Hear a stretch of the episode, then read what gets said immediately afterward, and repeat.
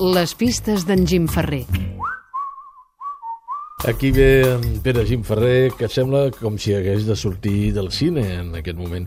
La gent al cinema de vegades plora i immediatament quan s'encenen els llums la gent es frega els ulls perquè no volen que sigui dit que diguen home, un espectador que plora. No sé si tu plores gaire al cine, Pere. bueno, jo Depèn. vaig molt poc a les sales, però aquesta vegada hi he anat en una ocasió he anat a una sala i l'altra, una pel·lícula d'imminent estrena, l'he vista en DVD, però he vist el tràiler de la sala on, on està a punt d'estrenar-se. I què has anat a veure?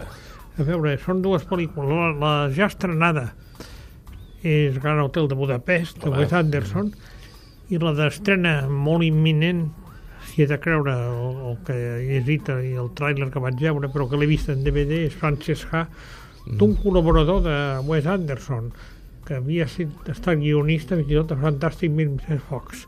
Les pel·lícules semblen gens.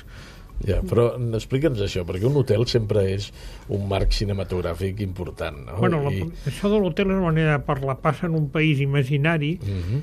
és amb una combinació molt complexa, que no val la pena de ficar-m'hi ara perquè és massa tècnica això, de figures reals i d'animació, mm -hmm. a vegades combinant les dues coses d'una manera ben complexa però molt, molt hàbil, amb molts actors coneguts, a vegades i reconeixedors.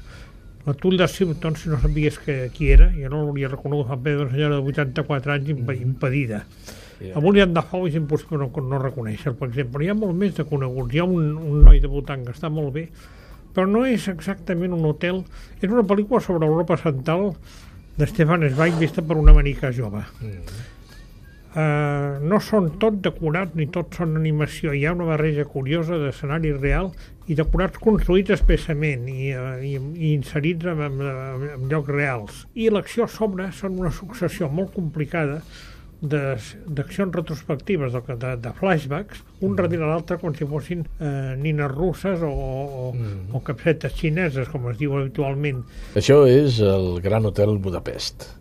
Però... Sí, però això és, és imaginari, naturalment, i no, no, no, la pel·lícula no, no passa ha, a Budapest. Ni passa a Budapest, ni és a l'hotel Geller. És un homenatge ni... a Zweig, basant sí. en elements de Zweig. És dir, que I amb la, altres coses, però, però passa, no és adaptació de cap llibre. L'acció passa, doncs, entre la Primera i la Segona Guerra Mundial, potser, I, bueno, no? Hi ha més coses, eh? Yeah. L'acció es va encadenant, va saltant cap endarrere, cap endavant, hi ha uns cartells que t'ho expliquen.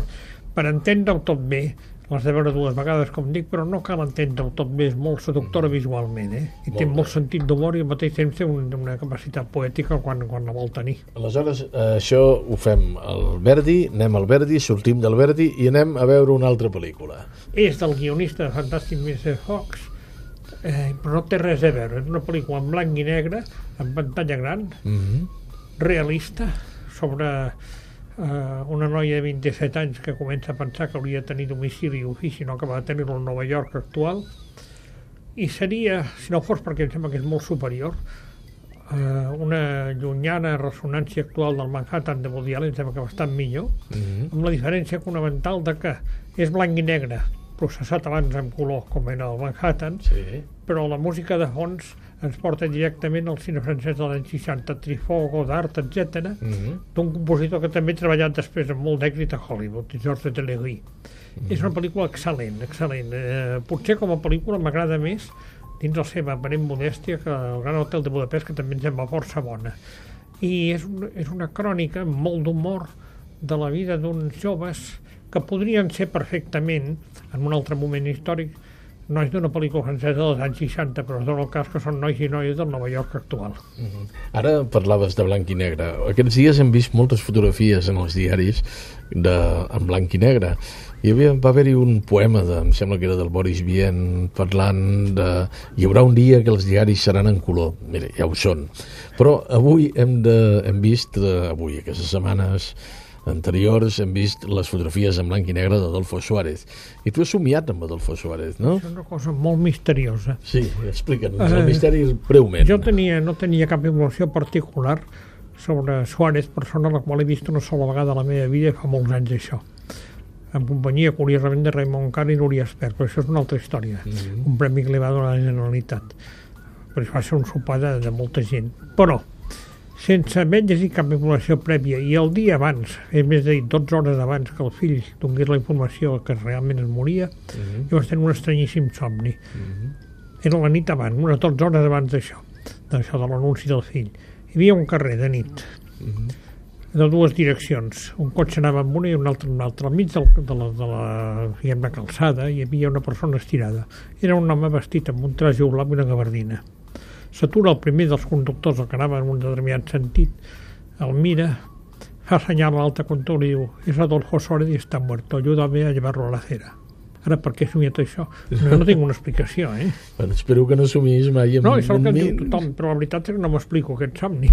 És, és estrany, sí, efectivament. No obstant, el somni com a elaboració, Mm és a dir, és veritat que Suárez vestia així habitualment quan era president, i potser d'abans de, de, abans i després també, i això de, de que està mort i hem de portar-lo a la, la vorera és una metàfora del que han fet després, naturalment. Efectivament. Però jo no podia saber. és veritat. Pere, avui hem vist coses reals, reals dintre de la ficció, que són el cinema, i també coses irreals com allò que tu tens en el cinema del teu cap. Moltes gràcies per explicar-nos-ho. Adéu-siau. Pere. Adéu.